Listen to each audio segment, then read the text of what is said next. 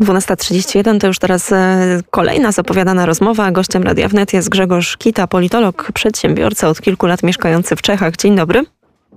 Dzień dobry, uściśle kilka lat mieszkałem w Czechach, teraz mieszkam w Polsce.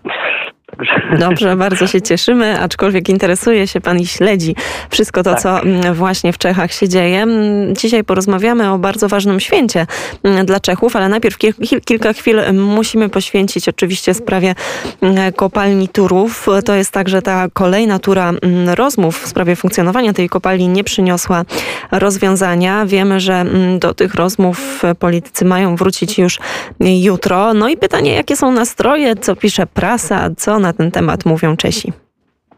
E, Czesi na ten temat mówią bardzo mało. To kilka dni temu powiedział tutaj na antenie mój przyjaciel Władimir Petrilak, Czech, który też mieszka w Polsce i śledzi to. Ja bym ten konflikt popatrzył szerzej w aspekcie takim gospodarczym, bo Polska, e, polska gospodarka e, robi bardzo duże ekspansje w Czechach w pozytywnym tego słowa znaczeniu. Największa firma handlująca paliwami Unipetrol jest w polskich rękach, w rękach Orlenu polska żywność wypiera czeską i to się wpisuje w taki konflikt gospodarczy y, polsko-czeski, który Czesi, czeskie lobby rolnicze, przemysłowe chyba też y, ma wpływ na polityków, że takie, a nie inne negocjacje. Ja tu nie chcę wchodzić w szczegóły tych negocjacji, bo to jest słowo kontra słowo.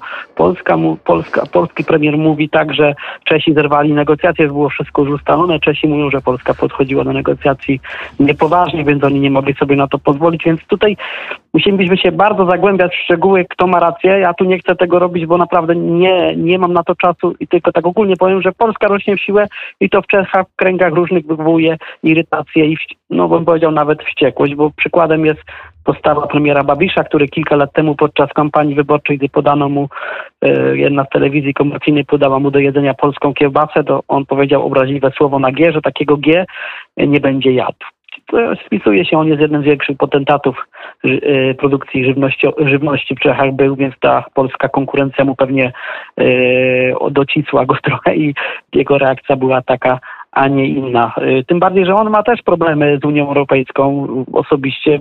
Jego firma jest oskarżona o konflikt interesów przy rozdziale dotacji unijnych i też wykorzystuje tą sprawę Turowa, żeby odciągnąć opinię publiczną od sprawy swoich problemów na, na Polskę. Taka jest moja teoria. Tym bardziej, że Polska też ma swoje moje, może za uszami, bo przez trzy lata dobrej zmiany ambasadorem w Czechach była pani, która się nazywała Bierut. Zbieżność nazwy jest nieprzypadkowa. I teraz podobno nie ma ambasadora od roku ponad, więc to też jest jakoś też y, patrzy się na to i jak nie ma ambasadora od ponad roku w naszym, u naszego najbliższego sąsiada, więc tu też bym powiedział, że to też z naszej strony jakieś zaniedbanie i powinniśmy na ten temat w ten sposób popatrzeć może. I my oczywiście będziemy te negocjacje śledzić i na bieżąco mm, o, o dalszym toku tych rozmów Państwa informować, a mm, ta kontynuacja tych rozmów już jutro. A to teraz przejdźmy do drugiego ja tematu. Powiem jeszcze, w Czechach mhm. są wybory za dwa tygodnie, więc to też trzeba na to popatrzeć w perspektywie tych wyborów, czy te negocjacje coś dadzą, czy to nie będzie takie przeciąganie struny do wyboru, prężenie mózgów. Na to pewno to też ma duży, duży wpływ. To teraz już przechodzimy szybciutko do drugiego, bardziej radosnego tematu, a już na pewno radosnego właśnie dla, mm, dla e, Czech. Wielkie święto czeskiej państwowości, no i święty Wacław. Przybliżmy trochę sylwetkę tego głównego patrona Czech. Opowiedzmy, jak Czesi świętują. Tak, święty Wacław, o, o samej jego osobie wiemy bardzo mało.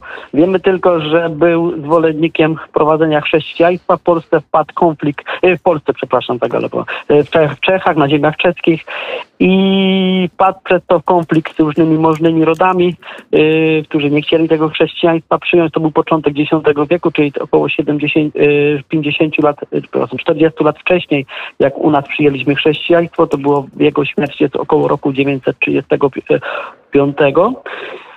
Zginął prawdopodobnie z rąk e, swojego brata lub jego pomocników e, i jego osoba stała się takim zarzewiem legendy, która jest, jest patronem głównym Czech. Jego dzień, jego śmierci 28 września jest świętem państwowości czeskiej i ziem korony świętego Wacława. To jest pojęcie szersze, jak dzisiejsze Czechy. Przypomnę, że do Czech korony świętego Wacława należał dzisiejszy Polski Śląsk, należały częściowo Łużyce, dzisiejsza Saksonia, częściowo dzisiejsze tereny Austrii, no i pewnie też i Słowenii.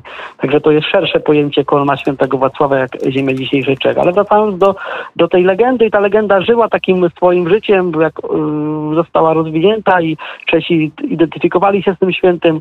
Y, to kult promieniował nie tylko na Czechy, ale i w Polsce. Katedra na Wawelu też jest święte, wezwanie świętego Wacława. Katedra świętego Wita w Pradze ma drugie wezwanie też świętego Wacława, więc ten kult jest bardzo rozpowszechniony. Był do czasów właśnie husyckich, gdzie ta tradycja świętego Wacława y, jako chrześcijańska, katolicka była w konflikcie i w oporze wobec tej tradycji husyckiej, które te tradycje już przez całe następne wieki się ścierały w Czechach.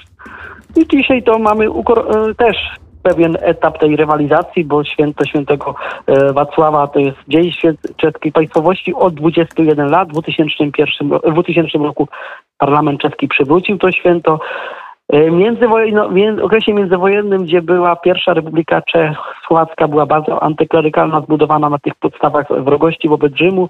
Na początku ówczesny prezydent Tomasz Masarek nie przyznawał się do tego, e, do tego świętego, jakoś wykluczał tych e, katolików, których byli wtedy w większości w Czechach, ale e, w 30 latach już to zaczęło, te rowy jakoś zostały zasypane i święto świętego Wacława było świętowane do czasów komunizmu.